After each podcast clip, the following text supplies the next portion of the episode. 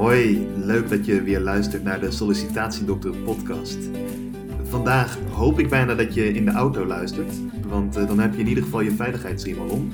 En zit je niet in de auto, dan is het voor dit verhaal misschien een goed idee om je even aan iets eh, vast te houden. Want mijn gast van vandaag, Euskuur Elen, heeft een carrièreverhaal dat voelt als een ritje in de achtbaan. Euskuur, superleuk dat je er bent. Leuk dat ik er mag zijn, dankjewel. Um, hey, ik weet niet of je van achtbanen houdt, maar uh, volgens mij zijn de beste altijd de achtbanen waar je vanaf het allereerste begin heel snel omhoog gaat en dan ook meteen keihard naar beneden. En uh, dat gebeurde eigenlijk ook met jouw carrière. Hè? Je kwam uit een gezin in de middenklasse, maar voor je het wist kon je financieel voor je hele familie zorgen. Ja, misschien, uh, misschien kun je daar iets over vertellen. Hoe is dat gegaan? Ja, natuurlijk. Uh, nou, ik ben in 77 geboren in, uh, in Duitsland. Dus mijn ouders waren ja, Turkse arbeiders in Duitsland. En vrij klein was ik, dus toen ging terug naar Turkije. In Ankara, in de hoofdstad. En daar was het ook wel toen een legermacht. Allemaal lockdowns. In de, in de nacht zelfs geen elektriciteit meer. Dus zo zijn we een beetje opgegroeid. Ook al keek ik terug altijd met een blij gezicht. Maar inderdaad moesten we altijd heel voorzichtig zijn met geld. En uh, uh, inderdaad ook uh, vrij jong moest ik ook aan de bak gaan met geld verdienen, klopt, ja. Oké, okay. hey, maar als ik het goed begrijp, gebeurde er toen iets waardoor je eigenlijk opeens dat geld inderdaad voor je familie kon, kon verdienen. ja, ik zal het meteen maar verklappen, je werd, je werd profbasketballer, hè? Hoe, hoe is dat zo gekomen? Ja, klopt.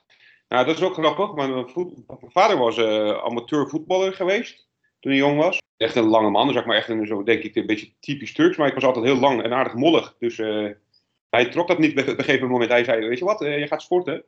Ze hebben me naar een uh, zomercamp-achtig iets gebracht voor basketballers, of voor beginnende basketballers. Ik schijnt, hoe zeg je dat, talent te hebben voor. En ja, meteen was ik gekozen tussen 200 kinderen met de andere jongen naar een gerespecteerde team toe, toen ik negen was. En ik denk, het was 12, 13 of zo, toen uh, kreeg ik mijn eerste check. ook al, uh, ik kan me nu niet meer herinneren hoeveel geld dat was, maar het uh, mijn familie wel toen, ja, dat wel, ja. Ja, fantastisch man. Hey, en ik heb gelezen dat, nou ja, goed, die, die carrière als basketballer heel veelbelovend leek te zijn. Um, er waren zelfs allerlei clubs uit Europa en uit andere plekken in Turkije die, die graag jouw handtekening wilden, die graag wilden dat jij voor ze zou gaan spelen.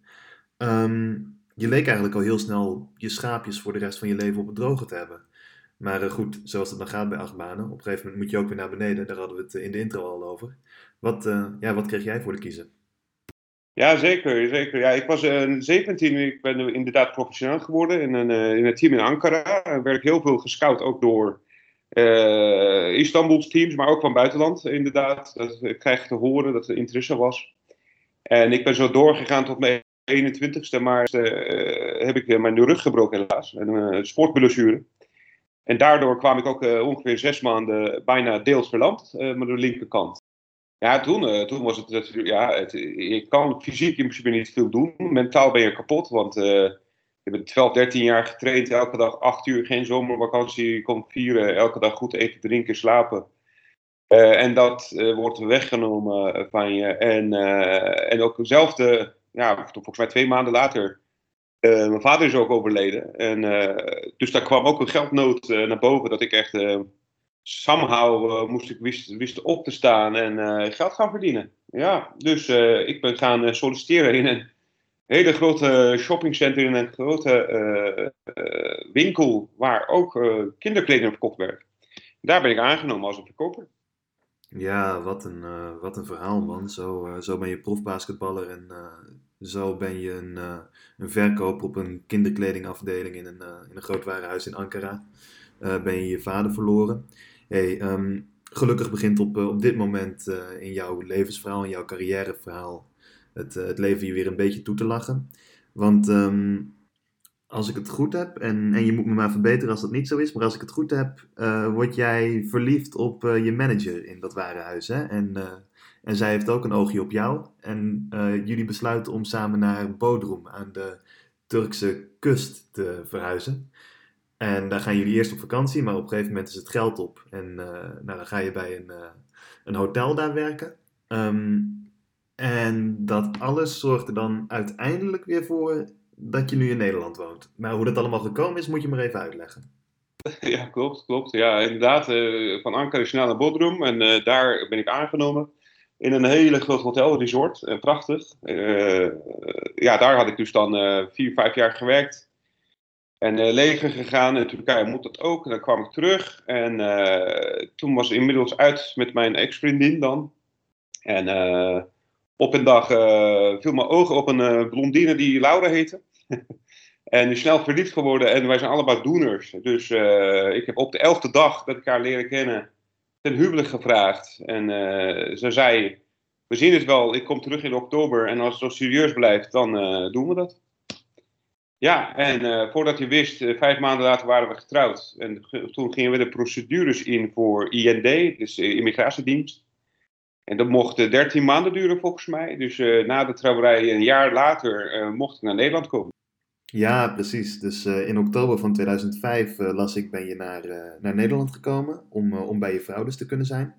hey, wat, wat waren je eerste indrukken van Nederland? Want je moest daar helemaal opnieuw beginnen. Hè? In, in Turkije had je een mooie carrière opgebouwd bij dat hotel.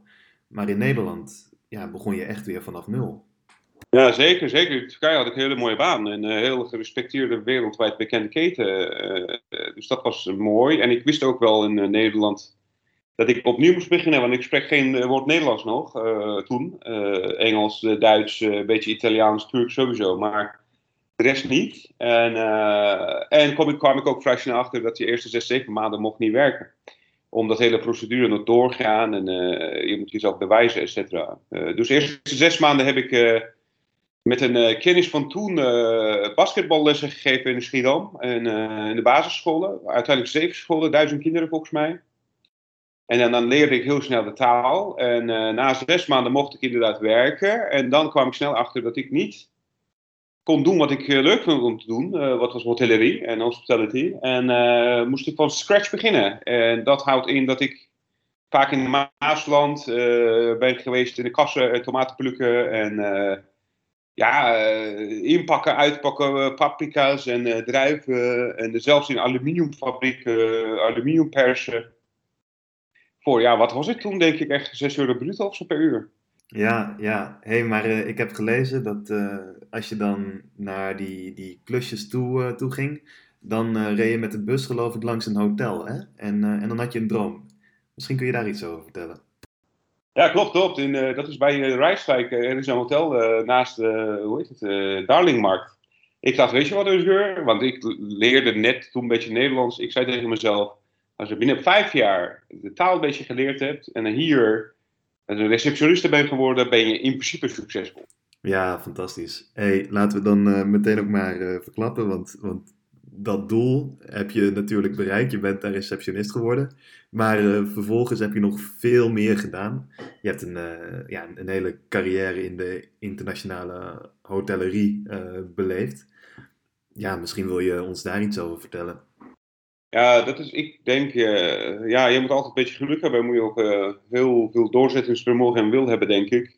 Ja, ik kwam uh, uiteindelijk bij Van der Valk Hotel, ergens in Rotterdam. Daar mocht ik als, als front office hoofdreceptie, zeg maar, aan de slag gaan. En daar mocht ik ook vijf jaar werken. Heb ik verschillende afdelingen ook gedaan ondertussen. Van banking tot sales en revenue management, alles samen. Ik heb een prachtige tijden eh, achter de rug. Maar ik wilde heel graag general manager worden. Dat heb ik altijd gewild. En daar, daar ging het niet toen in van de park. Nu wel, uh, ondertussen. Want uh, ja, je moest een beetje van de familie zijn, et cetera. En dat was ik niet. Toen dacht ik, nou, dan moet ik in een internationale keten gaan. En kwam ik een vacature tweede man voor Ibis Utrecht. Dus elke dag 3,5 uur lekker reizen.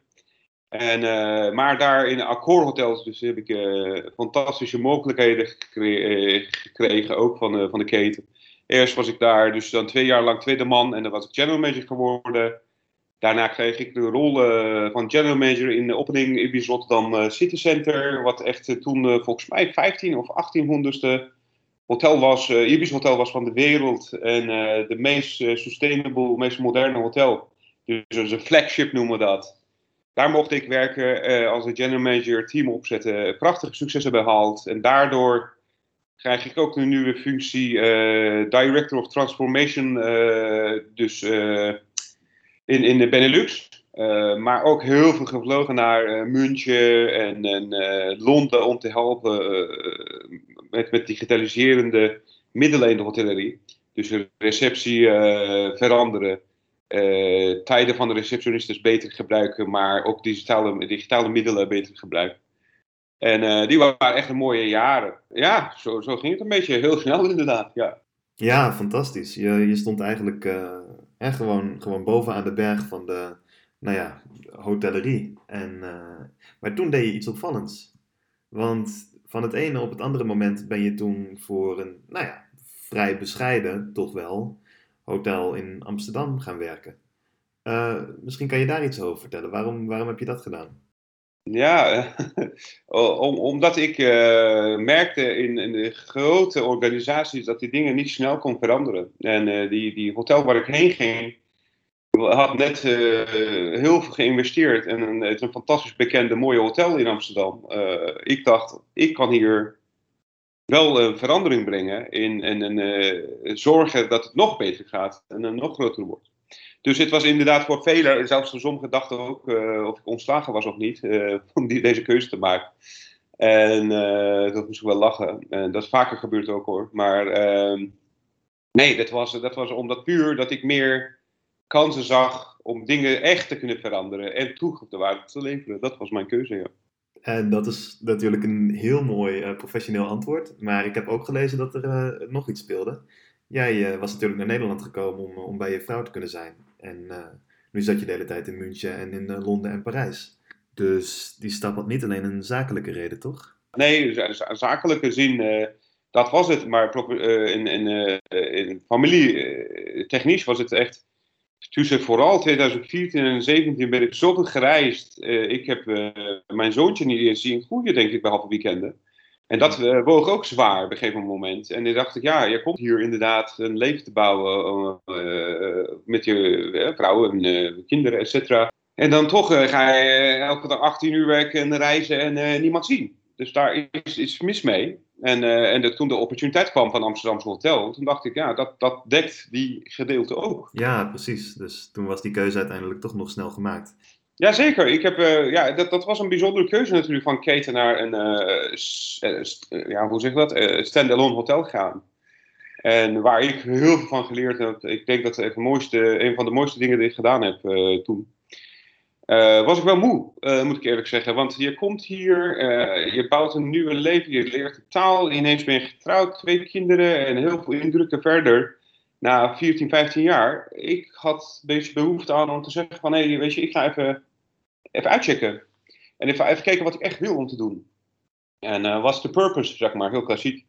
En dus ik heb gestopt en ehm, drie maanden sabbatical genomen. In 2019 was het volgens mij. En toen kwamen een paar projecten langs. Die wisten dat ik zou ja, in de toekomst wat gaan zoeken. Maar kwam een Kantine 25 langs. En die had een heel bijzonder concept waarin lokaal en sustainable gekookt zal worden. En vooral ook dat er een school zou komen voor mensen die zouden nodig hebben om gratis geschoold te worden. Ook al de concept was toen onduidelijk, weet je. Wij mochten dat zelf bedenken en doen. En, en nu dus dan, ja, na twee jaar, kan ik met trots zeggen dat wij ook dan daar mensen begeleiden, van de status, statushouders begeleiden om uh, koks te worden, of housekeeping te worden, of bartender te worden, of uh, in, in een service te gaan. En, uh, en dat heeft mij heel belangrijk geweest om deze keuze te maken. Yes. En daarmee zijn we aan het einde gekomen van jouw nou, toch fantastische carrièreverhaal. Um, ik wil, het, ik wil het gesprek eigenlijk afsluiten, maar ik vroeg me nog af of jij een gouden sollicitatietip uh, met ons zou willen delen. En dan uh, misschien met name een gouden sollicitatietip voor mensen die, uh, net als jij, bijvoorbeeld uit Turkije of uit Marokko komen en om die reden een, nou, een, een, afstand tot de Nederlandse arbeidsmarkt hebben. wat wil jij die mensen meegeven? Ja, in principe, ik geloof in één ding: dat, dat alles grotendeels aan, aan, aan, aan jou zelf ligt. Dus als je ervan uitgaat dat het niet gaat worden, gaat het niet worden. Nee. Uh, je moet hard werken. Ja, ik, ik heb echt, en nog steeds soms, dagen gaat 15, 14, 15 uur uh, uh, werken. En stress, hard werken. Ik had geen rijbewijs, ik moest fietsen anderhalf uur lang. Weet je, het is doorzettingsvermogen en wilkracht. En geloof, geloof, geloof, geloof dat je daar aankomt. En er zijn ups en downs, maar zolang dat je daarin gelooft, kom je daar wel. Het ligt aan je. Dat, uh, dat is echt mijn uh, motto. Als je wilt bereiken, moet je kunnen bereiken. Links of rechts. Dat lijkt me een hele mooie om mee af te sluiten. Euske, heel erg bedankt voor, uh, voor je verhaal. Um, luisteraars, jullie ook enorm bedankt. Mocht je Euskeur's verhaal nou nog eens op je gemakje willen teruglezen, nou dan heb ik goed nieuws, dat kan. Op onze website, dat is dus sollicitatiedokter.nl. Je kan dan gewoon eventjes in de zoekbalk zijn naam intikken. Dat is dus O-Z-G-U-R. Um, op sollicitatiedokter vind je daarnaast bergen met sollicitatietips. Waarmee ook jij uh, jouw droomcarrière kunt nastreven, net als Euskeur dus. Um, voor nu wil ik je heel veel sollicitatiesucces wensen. En uh, graag tot de volgende keer.